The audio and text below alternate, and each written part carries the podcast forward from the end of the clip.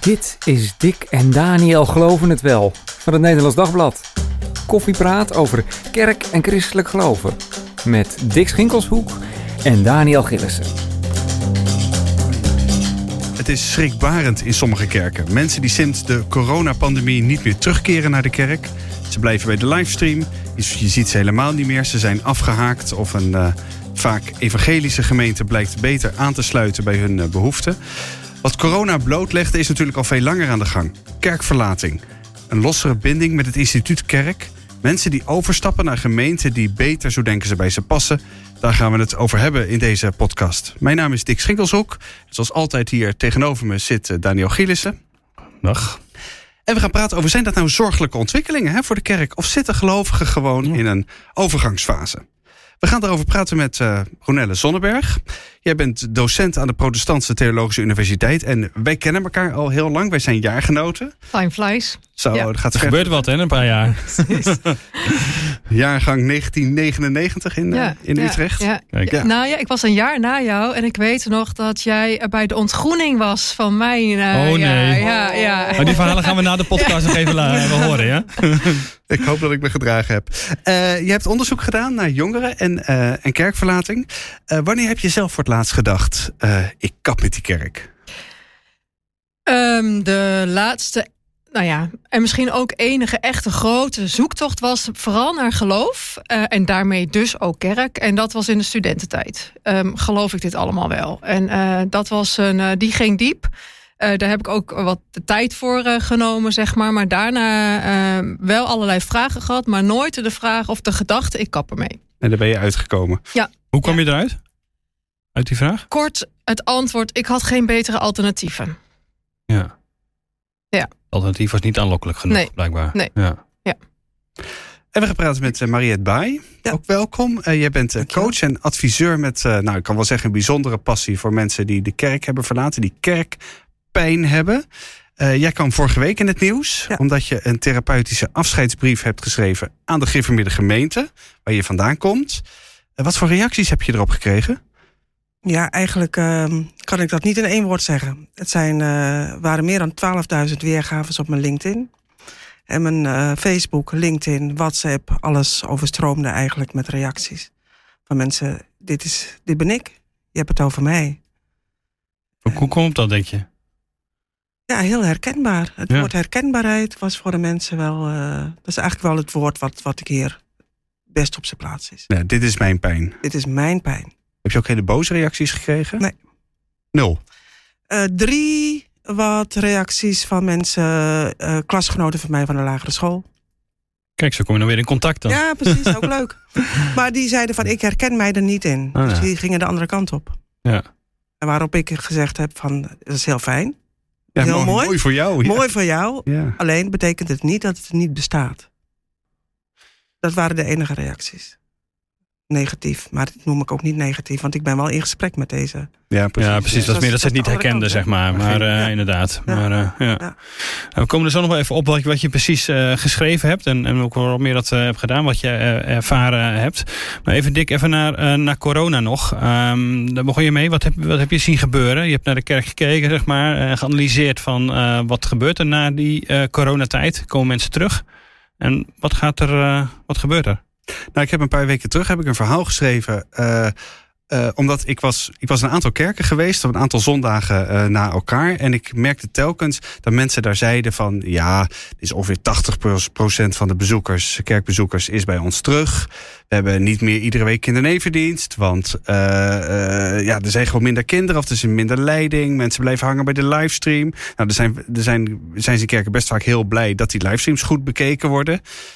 Maar ja, dat waren eerder mensen toch gewoon deels die wel in de kerk Ja. zaten. En ik vroeg me af, hoe komt dat nou toch? Wat, wat, wat is hier precies aan de hand? En? Nou, hoe komt dat? Je hebt het antwoord, of nee, niet? ik heb niet Nee? het antwoord. Ik, eh, ik heb in dat verhaal ik een aantal redenen opgesomd. eh, onder meer, ik denk dat het heel erg ligt aan de individu- individualisering. Je moet altijd even dat woord goed leren uitspreken. Worden zeg individualisering van het geloof. Dus helemaal niet zozeer kerkverlating, dat mensen het geloof zijn kwijtgeraakt ineens in de coronapandemie. Maar dat ze het gevoel hebben, maar ik kan dat ook prima thuis op de bank eh, doen. Ja. Waarom eigenlijk niet? En waarom ga ik niet met een podcast in het bos lopen op zondagmorgen? En daar heb ik wel veel meer aan dan aan die drukke bedoeling eh, Uh, het is in de kerk en ik, ik, ik moet me de hele week al zo haasten. Ja. Dat, dat soort dingen heel erg vaak mee, uh, meespelen. Je bent thuis in de kerk, uh, Ronelle. Wat, zie je dat ook in de kerk om jou heen? Om je heen?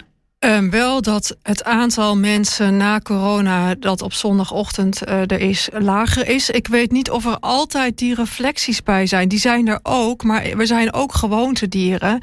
Um, dus hm. of de mensen. gewoonte is doorbroken. Die is doorbroken en uh, er zijn andere gewoontes ontstaan. Um, dus hoe ver die reflectie er altijd plaatsvindt, weet ik niet. Maar het is duidelijk dat er een verschil is voor corona, na corona. En in die zin is corona ook een röntgenfoto geweest... wat de zwakke plekken heeft laten zien. Ja, ja. Herken je dat, uh, Mariette? Ja, ik zit, nou, dat herken ik wel. En ik zit ook nog verder na te denken. Um, in de coronatijd zijn ook heel veel mensen zijn over kerkmuren heen gaan kijken.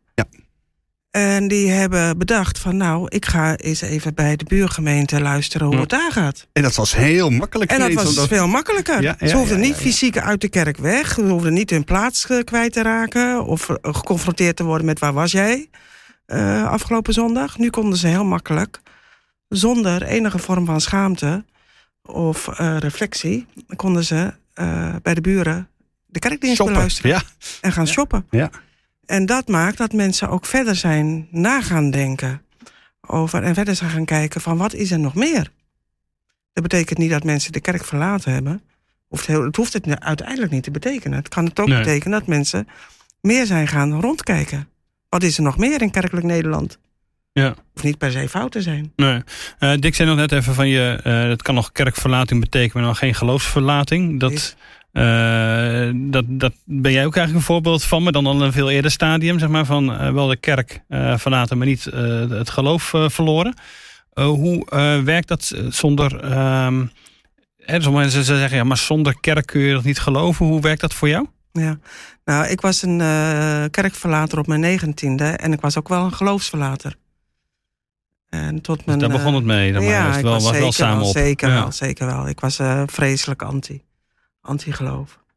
En door omstandigheden ben ik met het geloof in aanraking gekomen een paar jaar terug. En ehm, ja, ik kan voor mezelf zeggen radicale bekering. Kijk, Eh, en, en, eh, maar ik wil me niet aansluiten bij een kerk. waarom Omdat- niet? Nou, ik, ik, ik wil. Een, ik, ik voel me. Ik, ik, ik denk dat ik. Ik voel me vrijer zonder kerkverband. Als ik, eh, wat ik net zei, als ik psalm op hele noten wil zingen, zal ik dat doen. Maar ik hou ook van battle, ik hou ook van, music, eh, van, van, van Hillsong. Ik wil naar Mozaïek gaan als ik dat kan. Ik wil naar de christelijk gereformeerde kerk gaan als, als, dat, als ik dat, daar zin in heb. Ehm, en ik heb mijn grote groep vrienden, gelovige vrienden, met wie ik spar. Met wie ik praat, met wie ik bid, met wie ik zing, met wie ik naar de kerk ga. En dat helpt me soort- enorm. Een soort breedte houden of zo. Een soort, dat? Ja, ik, eh, ik beweeg me heel vrij in het speelveld van de kerken. Ja. Ja. Maar als ik jou zo hoor, dan heb jij voor jou ook een soort kerk gevonden. Zeker, zeker. Ja. Maar ik denk niet dat ik een traditionele kerk nodig heb om mijn geloofsbeleving met God te hebben. Mijn geloofsbeleving met God, die heb ik met God. En die uit ik met mijn vrienden, maar die uit ik ook in de maatschappij om me heen. En eh, daar heb ik voor mijn gevoel niet de kerk voor nodig. Zoals die in deze vorm bestaat. Zoals Mariette dat beschrijft, eh, Ronelle. Hoe, eh, herken je dat? Is dat een geluid dat je vaker hoort? Ja, zeker. Dus eh, dat, dat je de kerk niet nodig hebt. Voor mij ligt dat omdat je die individuele band met God hebt. Ehm, voor mij is de kerk wel ook lichaam van Christus aan elkaar gegeven. En in die zin heb je wel kerk nodig, want je bent aan elkaar gegeven, zeg maar. Dus het is meer dan een individuele lijn. Is het ook een verbondenheid met hen die bij Christus horen, ook wereldwijd. Dus ik voel mezelf ook, dat vind ik eigenlijk ook heel mooi, deel van die wereldwijde kerk, die in allerlei gestaltes bij elkaar komt. En daar kun je het dan over hebben. Ja, want dat is nog vrij abstract. Eh, je zit nooit met hoeveel christenen zijn er in de wereld? Laten we zeggen 2 miljard. Je Mhm. zit nooit met z'n 2 miljarden bij elkaar. Nee, maar ik vind wel leuk dat wereldperspectief eh, relativeert eigenlijk ook weer ons gesprek over kerkverlating. Want dat is wereldwijd niet zo. Dus je, die verbinding met die kerk, ehm, ehm, ja, dat is ook iets positiefs in mijn beleving. Lichaam van Christus, eh Mariette, is dat een belangrijke een belangrijke notie voor jou? Zeg je, hey, dat Ja, ja, herken zeker. ik me wel in? Ja. Zeker, daar herken ik me wel in. En dat vind ik ook heel fijn. Maar ik heb dat niet in het instituut kerk nodig. Ik heb dat in de, met de mensen nodig, eh, maar ook met de mensen op straat. Juist misschien wel met de mensen op straat. Om te laten zien wat christen zijn betekent. En ehm, dat, dat doe ik samen met andere christenen. Ik wil het niet alleen doen. Ik kan het ook niet alleen doen. Ik heb het ook nodig om andere christenen om me heen te hebben. Om gevoed te worden in het geloof. Ja, Maar ik denk- Dus dat deel, deel, deel zijn van, die, eh, van dat lichaam. Dat wel, niet in de vorm van een, van een lidmaatschap zozeer. Of een, een soort vaste verbondenheid met één Ja. eh, kerk. Maar ja, dat instituut er tegenover zetten, dat gebeurt natuurlijk Ja. vaak. Je hebt het instituut en je hebt het niet-instituut. Maar het instituut staat ook ergens voor. Dat is ook niet alleen regelgeving of eh, zo doen we dat hier. Maar dat is ook ehm, inzetten op veiligheid, geborgenheid, eh, verbinding met traditie en dat op een beproefde manier eh, doen. Dus die kanten van het instituut vind ik hele positieve kanten. En natuurlijk zijn er uitwassen die niet goed zijn en waar we het over moeten hebben. Maar ik ben zelf niet zo huiverig voor het instituut, omdat ik daarin ook zie dat dat iets goeds brengt. En hoe zie je dat? en je, eh, je hebt onderzoek gedaan hè, onder, eh, onder jongeren. Eh, wat kom je bij hen dan tegen als het gaat om dat instituut? Is dat iets waar zij op afknappen? Dat ik denk dat zij heel vaak zullen zeggen wat Mariette zegt. Ja, maar ik, ik vind mijn eigen vormen. En ik heb natuurlijk niet dat instituut kerk nodig om, nou, wat, om een relatie met God te hebben. eh, bijvoorbeeld. Ja, dus het is waar dat kerkverlating, dat vindt het meeste ehm, procentueel gezien plaats bij jonge mensen. Dus dan hebben we het over 15 tot 18, maar meer nog 18 tot 25. Daar zijn natuurlijk allerlei eh, redenen voor. Je zoekt je eigen weg, je gaat kijken wat past wel of wat past niet bij jou. Je hebt vragen over geloof en eh, ja, daar moet je doorheen. Dus dat, is, dat laat zich verklaren dat daar een groot, ja, het grootste groep eh, afhaakt. Daar komt natuurlijk ook het argument bij: ik heb het instituut niet nodig. Maar er is niet één vorm van kerk. Er zijn zo. Je kunt niet over de kerk praten, je kunt niet over de jongeren praten. Er zijn ook heel veel jongeren die met heel veel plezier deelnemen aan het instituut eh, kerk. Dus ik vind het is zo'n complexe materie in die zin dat ja. Deze argumenten zijn er allemaal. Ja, er is veel kerkverlating. Ja, we hebben het instituut niet nodig. Het gaat niet om de regels. Daar moet de kerk ook van leren, denk ik. De waarden die jongeren voorop stellen. Verbinding, participatie, eh, betrokkenheid. Dat dat belangrijk is voor jong zijn en kerk. Dus in die zin altijd werk aan de winkel. Ook vanuit het instituut. Ehm, dus neem die geluiden serieus. Eh, maar we hoeven dat niet zo tegen, wat mij betreft, het instituut kerk te zijn. Wat een hele goede manier van kerk zijn ook is. Ja, Naast hier, elkaar. eh, eh, drie weken terug eh, hadden we hier de toen nog jonge theoloog des Vaderlands, uh, Tabitha van Krimpen, zitten. En zij zei, ja, maar kerken zijn ook zo- vaak zo ontzettend, die worden vaak zo ontzettend, daar wordt alles geregeld en die worden bestuurd door mensen die, nou laten we zacht gezegd zeggen, niet echt jong zijn. En die ook helemaal geen idee hebben vaak wat jongeren willen. Die, dus, die zich dan beklagen over de geringe inzet van jongeren. En ondertussen eh, zeggen jongeren, ja, maar het wordt ons nooit, het wordt ons nooit iets gevraagd. Eh, waar, zijn we dan? Mogen, mogen we ook wel meedoen? Als ik bedoel, in die zin zou je zelfs kunnen zeggen dat de kerk jongeren verlaat. In plaats van, eh, in plaats van andersom. Ja, daar zijn zeker helaas ook voorbeelden van. Maar ook daarvan geldt, er zijn ook zoveel goede leiders die juist willen luisteren. Juist zeggen, kom over en help, zeg maar tegen de jongeren. Of wat heb jij nodig? Dus ik zie daar ook die tegenbewegingen wel. En ja, dat zal wel iets van mijn karakter zeggen. Ik hou gewoon niet van het een tegenover het ander zetten. Maar ik zoek daarin ja, eh, een kritische spiegel voor allen. Wat had jij eh, nodig gehad eh, als jongere, Mariette, om je bij geloof, dat we dat maar zeggen, misschien te houden toen? Dat er ruimte zou zijn voor vragen en twijfels. Hm. Dus jouw vragen van dat moment, dus eigenlijk wat, wat Ronelle net beschreef, die eh, krijg je eh, als je Ja. volwassen wordt. Ja. Eh, dan komen die vragen, maar die vragen Ja. kon je niet stellen eigenlijk. Er was geen ruimte voor. Nee, en, en de jongeren die ik nu vaak spreek, die hebben nog steeds dezelfde klacht. Hm. Er is geen ruimte voor mijn vragen, er is geen ruimte voor mijn twijfel. Want als ik twijfel, ben ik gelijk iemand die kritisch is en misschien wel activistisch. En er worden van allerlei bewoordingen op mij geplakt wat ik niet ben. Mm. Ik heb gewoon ben een jongere met vragen en twijfels. Ja, ja. En geldt het voor alle kerken? Of is het weer een specifieke groep eh, binnen de Ja, ik vind eh, het moeilijk. kerk Ik in vind Nederland? Ik vind het moeilijk om te zeggen. Want ehm, eh, wat, wat, wat jij net ook zei, van, er zijn zoveel goede kanten ook hè, van kerken. En, en de veiligheid die wordt geboden, daar wil ik ook wel van zeggen. Van ja, dat, dat vind ik ook een, een mooie kant van de kerk. En dat is ook iets wat de wereld vaak ziet. Hè, van eh, die veiligheid binnen de kerk. ehm, Gemeenschapszin en het, eh, ja, ja. Ehm, ehm, ja, ik, ik zie de, wat, wat, wat ik tegenkom is het vaak in de reformatorische kerk is het veel en veel en veel moeilijker om een uiting te geven van twijfels en vragen. Misschien mag ik daarbij aanhaken. Een onderzoek wat recentelijk is gedaan, juist naar jongvolwassenen in de wat meer reformatorische Mhm. hoek van de kerk. En dat onderstreept wel ehm, wat je zegt, eh, dat, dat, dat de ruimte voor eigenheid in die geloofsontwikkeling daar onder druk staat. En dat heeft te maken ook met theologische en kerkelijke idealen die er zijn. En het gaat ook over eh, behoud of niet behoud. En dat, en dat Nee, je bedoelt eeuw- eeuwig behoud, bedoel je? Ja, Ja, ja, ja, ja, ja, eeuwig behoud. Ja, en, en dat, dat. Ja. En dat, dat, geeft, dat, dat geeft minder ruimte aan exploratie, zou je kunnen zeggen. Terwijl dat wel belangrijk wordt gevonden door jonge Ja. mensen. Ja, en, en daarbij aanhakend is, eh, die jonge mensen komen anders dan ik vroeger meer in aanraking met de wereld. Mhm. En de kerk en de wereld komen tegenover elkaar te staan. En die staan minder naast elkaar. Waardoor jongeren het gevoel hebben dat ze bungelen. Want in de wereld horen ze er niet echt bij, want ze zijn reformatorisch en ze zijn niet van de wereld. En in de reformatorische kerk, als ze daar iets ventileren van de wereld, wat op televisie of op de computer of op wat Ja, dan ook ja. is, dan worden ze daarop afgerekend. Precies, Of kunnen ze worden horen. aangekeken. Ja, ze horen nergens Ja, bij eigenlijk en daardoor. dat is wel een groot probleem voor de jongeren in, eh, in de reformatorische kringen.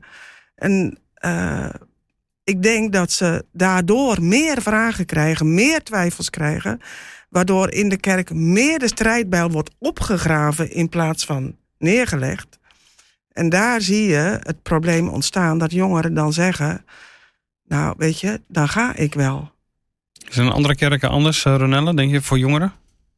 Dus eh, meer mainstream protestants of eh, vrijgemaakt of evangelisch? Ja, er ligt, dit verschilt wel per kerk. En ehm, om aan te sluiten bij een onderzoek wat Anja Moesker eh, op het moment doet... eh, dat gaat over vrijgemaakte kerk en Nederlands Reformeerde Kerk. Nou, twee kleine eh, kerken uit de christelijke hoek. En daarin ziet zij al verschil bijvoorbeeld. Te- en dat heeft te maken met toch de vrijgemaakte zuil... die langer door heeft gelopen, Mhm. historisch gezien. Ook de veilige bubbel in Mhm. onderwijs, et cetera. En dat zij verschil ziet dat een deel van de mensen die daar, jonge mensen die daar de kerk hebben verlaten, ook zeggen: ja, we zijn te lang in die, in die, in die bubbel geweest en we hebben te weinig ons ja, leren verhouden tot eh, die wereld waar ook zoveel mooie mensen zijn. Ja, dus ja. eh, ik noem dit nu omdat daar echt twee kerken in hetzelfde onderzoek vergeleken worden en natuurlijk een eigen structuur hebben, ook als het om kerk zijn gaat. eh. Ja. En ik- de PKN, zo breed als het is, daar, daar verschilt het. Daar ehm, is denk ik over het algemeen, ehm, zeker in het midden van de kerk, wat meer ruimte om, om je eigen weg te zoeken. Ja. Ja. En je wel, heb je gemerkt en dat, dat, dat wat Mariette zegt over het, die vragen stellen was voor mij heel belangrijk. Dat dat voor jongeren in, in zijn algemeenheid ook geldt. Dat, dat, dat als je die vragen in elk geval kwijt kan, dat dat wel een voorwaarde is om überhaupt je ertoe te kunnen verhouden. Ja, dat jouw vragen serieus genomen worden, niet aan de kant worden gezet. Eh, ja, dat is dat. Bij vragen stellen begint het zoeken van je eigen weg. Het is Ja. zo'n basale menselijk iets om, om, eh, om je identiteit te ontwikkelen. Als dat Ja. beknot wordt. Is dat sowieso advies in elke kerk? Geef die ruimte aan je jongeren Ja. om die vragen te kunnen stellen. Ja. Op geen enkele wijze En ook om antwoorden te zoeken. Dus niet Ja, ja. alleen, en Ja. kom dan Ja, met ja. het antwoord. Ja, precies. Ja. Maar eh, geef de ruimte om. Ik weet het wel, hier heb je Ja, het. ja, precies. ja, Maar dit antwoord is... Ja. Precies. Of, Ja. of een antwoord van het is altijd zo geweest. Oh ja. Dat Dus dat vinden wij. Doet de En deur ik meestal ook dicht. Ja, ik weet, ik weet wel bij mezelf dat ik vragen had en, eh, en, en, en dat ik heel veel vragen had. En de antwoorden die ik kreeg is, eh, dat vinden wij zo. Mm. Weet je nog wat voor vragen je had? Bijvoorbeeld? Nou, ik, ik had een vraag, ik, ik weet nog dat ik een vraag had van ehm, waarom mag ik geen oorbellen? Lekker concreet. eh, Gewoon gewoon heel ja. concreet, waarom mag ik geen oorbellen? Of ehm, uh, wat voor mij heel erg belangrijk was in de kerk, uh, waar, ik, waar ik nog emotioneel van kan worden, is het feit van op het moment dat er uh, avondmaal werd gevierd, was er een, een rode draad door de kerk. En mijn vader ging wel naar het avondmaal en mijn moeder niet. En dan stelde ik thuis de vraag van ja, maar wat dan? Als mijn moeder niet gaat. En, want dat betekent, dat, daar hangt een consequentie aan vast. Ja. Ja, want dan, ben je, dan ben je niet gered, dan heb je niet het geloof. Ja, dan ben je... en, en hoe, en, en uh, mijn, uh, ik weet nog dat ik de vraag stelde aan mijn vader. Mijn vader was ouderling in de kerk. Van, als er avondmaal is en er staat aan de linkerkant en de rechterkant van de tafel staat er iemand die mensen toelaat of tegenhoudt. Hoe kan een mens bepalen wie er wel of niet aan het avondmaal mag? Dat is iets van die persoon en God. Daar kan een mens voor mijn gevoel niet tussen staan. Nou, dat was echt zo godslastelijk wat ik toen zei. En, um, maar ik, vond, ik vind het nog steeds vind ik het een hele relevante vraag. Ja.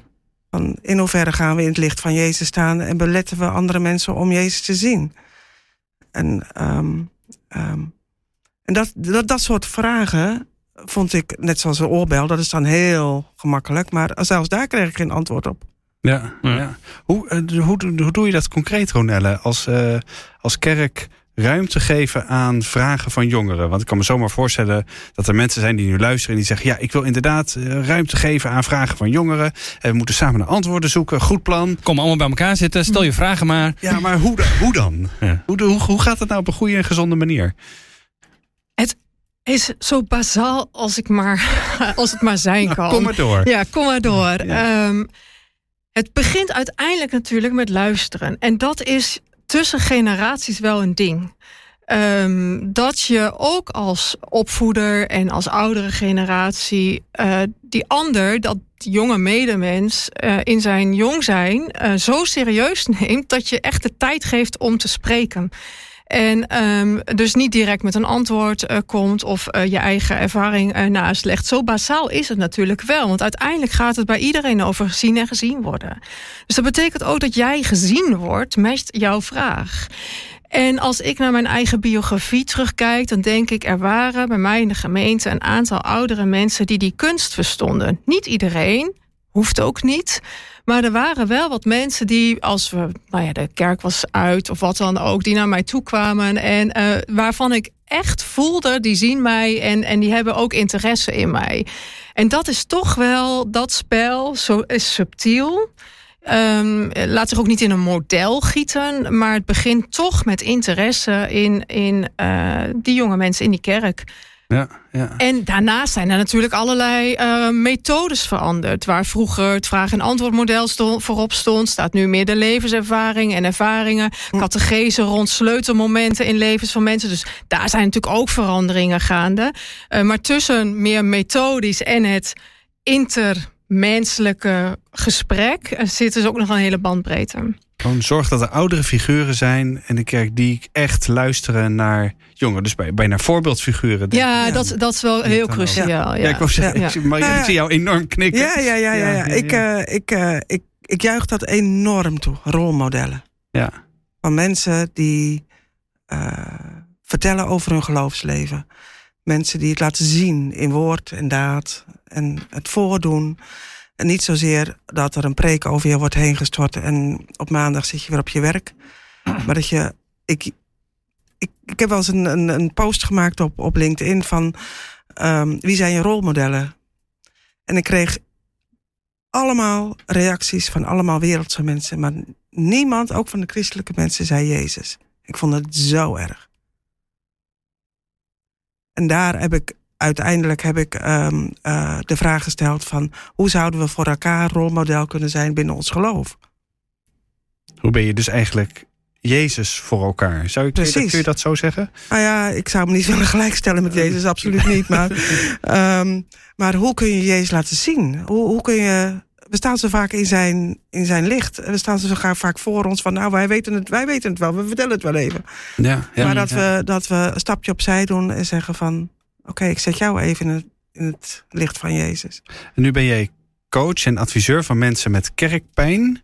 Uh, heb je het woord kerkpijn, is dat, is dat jouw vondst als, als woord? Uh, even tussendoor. Ja, dat is het, het Nederlandse woord. Um, ik gebruik ook vaak het Engelse woord church hurt. En, ehm, ehm, maar kerkpijn vind ik nog wel mooier eigenlijk. Kijk, ja. Eh, het, eh, het dekt meer de lading. En is, heeft kerkpijn in jouw ervaring voor een groot deel hiermee te maken? Dat er niet van die figuren waren in een kerk die jou hebben gehoord, eh, bijvoorbeeld toen je jong was, die, ja, die naar je luisterden. Eh, is dat een belangrijke oorzaak? Nou, nee, ik denk niet. dat- Ik, zelf heb ik niet echt veel last van kerkpijn gehad. Ik ben weggegaan op mijn negentiende en eh, ehm, ik ben nu 55. En sinds kort weer gelovig, sinds een aantal jaren weer gelovig. Heb ik nu kerkpijn? Soms wel. Nu wel. Juist als gelovige heb je dat meer. Op het moment dat je, nou ja, Ja. toen je radicaal, als we maar even zeggen, afscheid nam, was dat eigenlijk Was dat niet? minder het geval. Wat, wat mag ik vragen? Wat is dan nu de kerkpijn? De kerkpijn die ik nu heb, ik, eh, ik, ben, eh, ik ben lesbisch. Ehm, ik heb een heel intensief, mooi eh, leven met God. Ehm, ehm, en dat wordt altijd in twijfel getrokken. Het is, het is ehm, op het moment dat ik, dat ik eh, gewoon Mariette ben en ik kom ergens binnen in de christelijke wereld, is er niks aan de hand. Zodra mensen de weten van mijn geaardheid, dan doet dat ertoe. Dan wordt dat. Ik heb van, eh, ik was afgelopen vrijdag was ik op de studiedag van Atte Bruin. Eh, heeft een boek geschreven, hè? En, Ja. en diversiteit. Ook in de podcast geweest Ja. hier. eh, Ja, daar heb ik ook de vraag gesteld, gesteld van wat is nu belangrijk in mijn geloofsleven of naast wie ik in bed lig. En dat vind ik een hele relevante vraag. Bij de kerk is het laatste, vaak het laatste het geval. Het laatste is het geval. Ja. Binnen twee minuten gaat het over dat stukje. Terwijl ik zou zo graag gewoon weer mijn geloofsleven willen Ja. delen met Ja, mensen. En weerhoudt dat Om een je... rolmodel te zijn ook, hè, voor Ja. de andere LHBT'ers. Binnen de kerk, binnen en buiten de kerk. Oh ja, want weerhoudt dat je ook om je bij een kerk aan te sluiten? Nee. Is dat ook een van die dingen die daarmee meetelt? Of is dat er niet eh, dat geval? Nee. Dat zou ik me niet door laten tegenhouden. Nee, nee, precies. Wat, voor, eh, wat voor kerkpijn kom je tegen bij mensen? Dus heel divers. Echt heel divers. En eh, sowieso binnen de LHBT-wereld. Uh, LHBT'ers die zo graag bij een kerk willen aansluiten. Uh, die soms twaalf kerken afgaan. Elke keer worden afgewezen. Ik uh, kom tegen dat mensen worden weggestuurd uit kerken. En dan Weg, weggestuurd? Echt ook weg, weg, echt weggestuurd. Hoe, hoe gaat dat? Nou, dat, de, de vriendelijke variant is... Wordt het niet eens tijd dat je een ander kerkverband gaat zoeken? Dat is de vriendelijke variant. Want je bent te kritisch of je bent te anders. Of ja, of bent... ja, je, je geaardheid is een probleem. Ja, je geaardheid is een probleem, ja. Um, of um, mensen gaan van... Nou moet ik het even goed zeggen hoor. Um, van waarschuwing, kerkraad, bezoeken... naar de achterbank van de kerk... Uh, dan wel onder tucht worden geplaatst. Dan zijn mensen vaak wel weg ja. als dat gebeurt. Uh, kerkpijn ligt er ook in de zin van dat mensen zeggen van ja, ik word veroordeeld om mijn verleden. Ik heb een verleden gehad in de prostitutie of wat dan ook. Of ik heb ooit eens een keer iets gedaan wat niet mocht. En uh, ik word daar nog steeds om veroordeeld, of voor veroordeeld. Kerkpijn ligt er ook in, de, met name al, bijna altijd wel in de veroordelingssfeer. Er is, ik ben, ik ben, ik ben uh, um, gespreksonderwerp geweest bij de kerkenraad. Dat gevoel? Dat gevoel. Ik ben een probleem. Ik ben een probleem. Ja. ja. Ik zie jou knikken, Ronelle. Herken je dat? Nou, ik, uh, dat ik knik. Ik, ik, ken natuurlijk verhalen die hiermee te maken hebben. Mijn, mijn vraag staat meer, uh, kom je dit in alle generaties uh, tegen? Of is het in bepaalde generaties? Nee, je komt in alle generaties tegen. Ja. Alle. Nog steeds? Ik, nog steeds. Ja. Ik heb het bij jongeren. Ik spreek ook uh, mannen en vrouwen van 60, 70 plus. Die nog steeds worstelen met die kerkpijn. En dat ik knikte is het belang van inclusiviteit. Dat is natuurlijk in onze uh, tijd en ook in ons land. En ook uh, sowieso heel belangrijk. En ook vanuit het evangelie natuurlijk belangrijk. En daar waar dus verschillende overtuigingen uh, zijn... en waar dat schuurt en botst... en waar je dat, dat ook nog eens ingebed hebt in een bepaalde orde Mhm. of eh, instituut, is het natuurlijk, het is een bizar complexe materie. Mm. En eh, mij viel op toen ik een eh, klein onderzoek deed, opnieuw naar de jongvolwassenen, we hebben het weer over 18 tot 25 eh, jaar. eh, dat eh, dat onderwerp van inclusiviteit eh, steeds eh, naar voren kwam. Ja. Ook waar dan kritiek op kerken eh, zit. Dus in die zin knikte ik, eh, zonder dat ik dan de individuele verhalen eh, weet. Maar dit legt wel bloot, eh, in ieder geval voor die jongvolwassen mensen, die nadruk op, op inclusief, relationeel, participatie. Dat zijn de waarden waarmee naar kerken wordt gekeken. Mag iedereen meedoen? Ja. Ja, precies. Ik Ja. merk bij mijn, mijn dochter eh, rond 20 die dan ook zegt inderdaad... als er in de kerk ja, niet die, de, die, inclusiviteit is... dan is het absoluut mijn kerk niet, zeg maar. Eh, dus je merkt meteen dat dat... eh, bij die generatie dat nog wel veel meer, denk ik, eh, al duidelijk meteen is van dat eh, kan niet of daar haak ik op af. Ja. Zelfs al zou het mezelf niet direct betreffen, is het een no-go of zo. Ja. Ja. En dat is wel wat jij dus inderdaad in dat onderzoek dan in algemeen, Ja. In de algemene zin wel ziet. Ja, en ook een ander onderzoek, wat eh, onderzoek heeft gedaan naar missionair eh, bewustzijn handelen van eh, jongeren uit de orthodoxie. Dan heb je natuurlijk, jongeren uit de orthodoxie worden vaak rond bepaalde beelden eh, gemeten. Hoe denk je over hemel, hoe Ja. denk je over hel, dat Ja. soort dingen. Ja, ja. Maar als je gaat meten over hoe denk je vanuit relationaliteit over kerk of participatie over kerk, dan, dan zie je eigenlijk dat ze dezelfde antwoorden geven als hun leeftijdsgenoten. Ja. Dus dat, ook, ook daar zijn dit zulke cruciale waarden eh, waarmee eh, naar de kerk wordt gekeken. Ja. Ja. Zo opgevend, eh, Mariette. Ja, zeker. Nou ja, ik, ik, ik hanteer de slogan eh, dat God de wereld heeft lief gehad. Hè? Dus God heeft daar ook heel erg inclusief gedacht. En niet zozeer heeft hij gezegd van eh, ik heb de kerkmensen lief. Nee, ik heb de wereld lief. En dat vind ik zo mooi. Hè? Dat het is voor mij zo inclusief. Dat ik daarin denk van ach, eh, er is hoop. Ja. Mag ik één opmerking daarbij maken? Want ik snap dat je dit zegt. En dat wordt in allerlei studies natuurlijk ook gezegd. Van eh, belangrijk, eh, deze waarden. We hebben het in die onderzoeken wel dan over betekenisgeving die jonge mensen geven. En dat is nog wat anders dan dat je daar zelf ook altijd zo uit handelt. Dat moet je even uitleggen. Ja, dat zal ik even uitleggen. Dus bijvoorbeeld, ik heb een klein artikeltje geschreven over tolerantie. Eh, dat dat een belangrijke waarde is voor jonge mensen. Ja, zijn ze dan altijd tolerant? Dat hoef ik daarmee nog niet per se Nee. te zeggen. Nee, nee. Dat bedoel ik daarmee. Dus daar een Waar zit die Ja. discrepantie dan? Waardoor komt dat? dat? Dat je wel eh, vindt dat het belangrijk is, maar vervolgens zelf er niet naar handelt.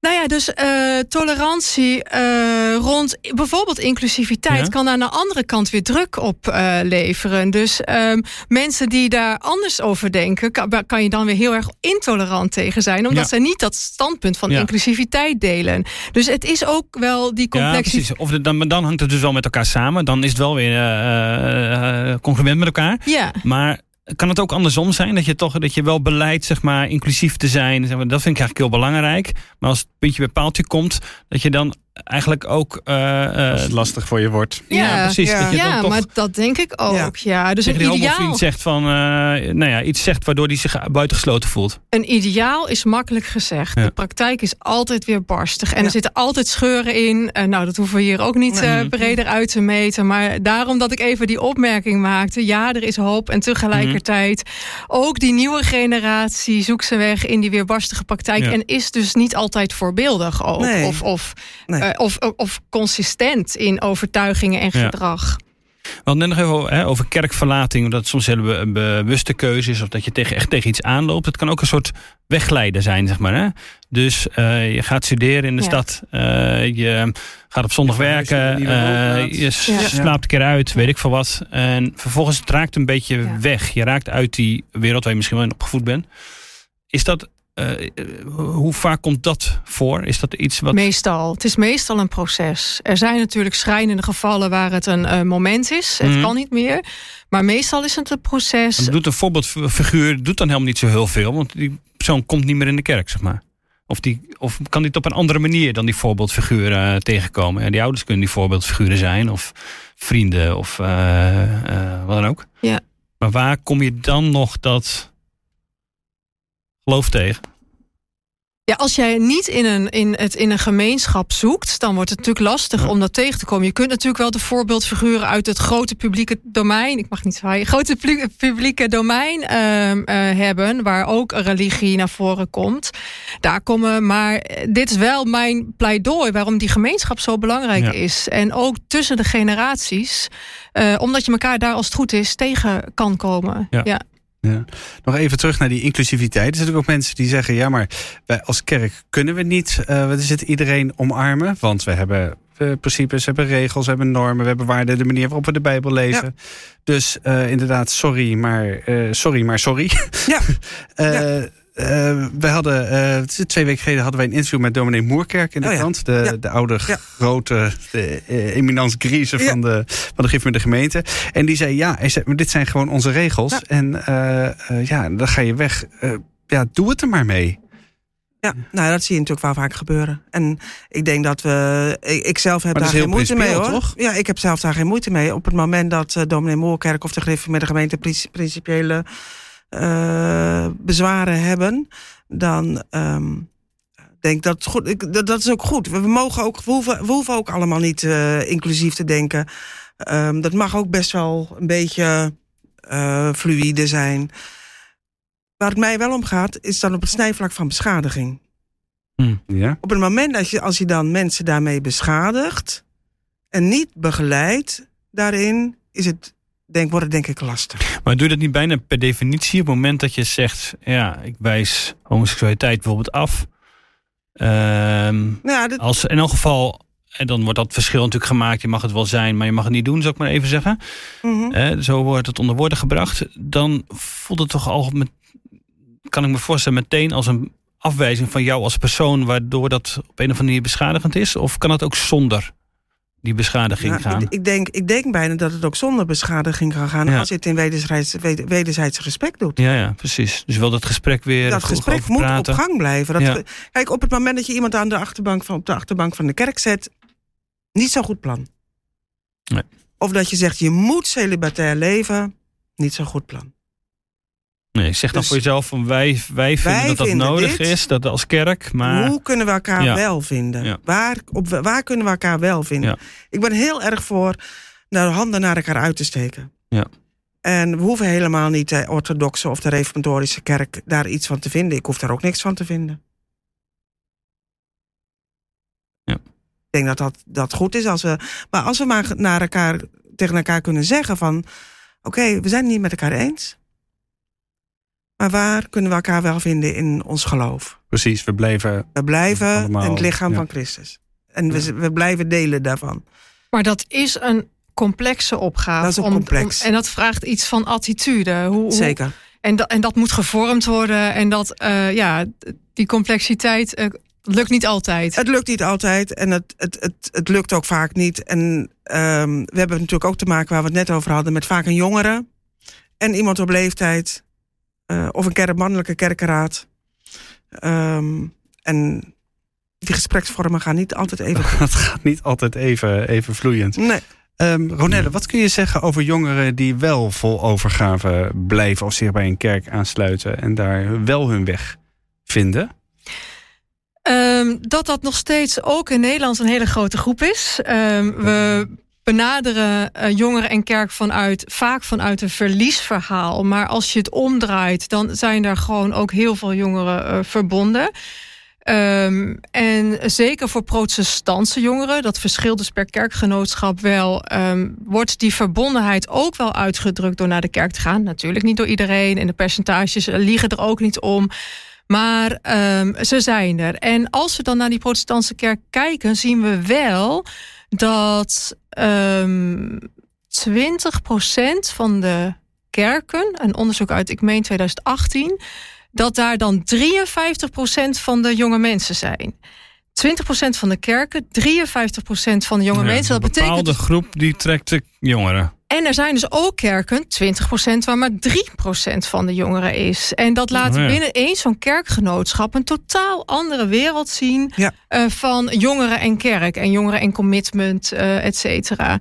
Ja. Dus eh, nou ja, dat geeft iets aan van ook de praktijken. eh, ja, en wat in situatie N werkt, is in situatie X totaal anders. Maar het kan ook zijn, maar als er, als er meer jongeren zijn, dan trekt het nog weer meer Sociale jongeren aan enzovoort. sociale Het is ook een soort gewoon eh, Ja, sociale wetmatigheid wet. die zo, eh, Ja. zo is. Ja, dat is ook een, eh, dat speelt ook eh, zeker een rol. En daarbij geldt ook, en ik, ik vind het lastig om dat precies te duiden, maar dat de meer jonge mensen zijn wat meer rechts van het midden dan links van het midden van de, van de PKN-kerken.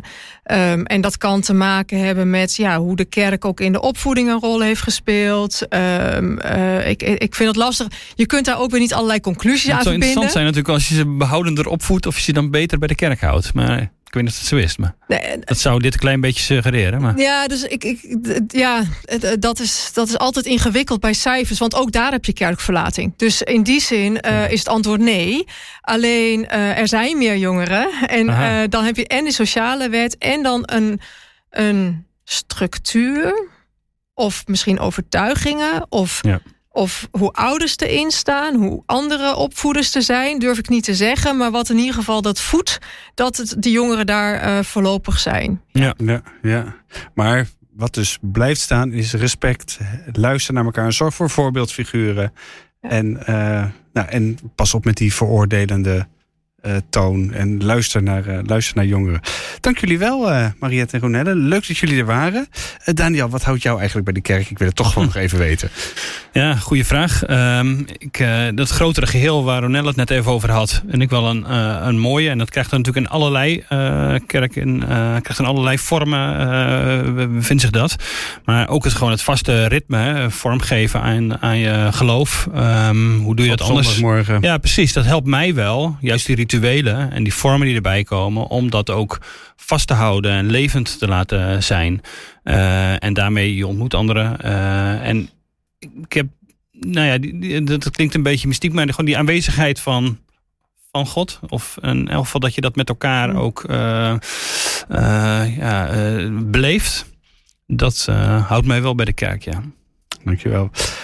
En uh, dankjewel voor het luisteren. Uh, we zijn uiteraard benieuwd hoe jij als luisteraar naar deze podcast hebt, uh, hebt geluisterd. Heb jij kerkpijn misschien? Heb je een kerk verlaten? Heb je juist enorm enthousiast een kerk gevonden die helemaal bij je past? Wil het absoluut van je weten. Je kunt ons uh, mailen, je kunt comments achterlaten. Mailen uh, naar dik en. Uh, kerkverlating en alle veranderingen in de kerk zijn bij uitstek onderwerpen waar het Nederlands Dagblad veel over schrijft. Dus zul je daar meer van weten. Of gewoon het maken van deze podcast steunen. Overweeg dan een abonnement op het Nederlands Dagblad. Digitaal kan het al vanaf 1,75 euro per week. Like deze podcast, deel hem met je vrienden en bekenden. We bedanken de mensen uh, achter deze podcast die je niet hoort, maar die er wel zijn. Marien Korterink, Harm Bosma, Annemijn Walraven. Volgende week zijn we er weer. Dan hebben we het uh, over die nieuwe fusiekerk die eraan komt. De Nederlandse gereformeerde kerk. Hè, die fusie van vrijgemaakte Nederlandse gereformeerden. En of die niet in een hoog tempo toebeweegt naar die grote protestantse kerk in Nederland. En hoe schokkend dat eigenlijk wel. Uh, of niet.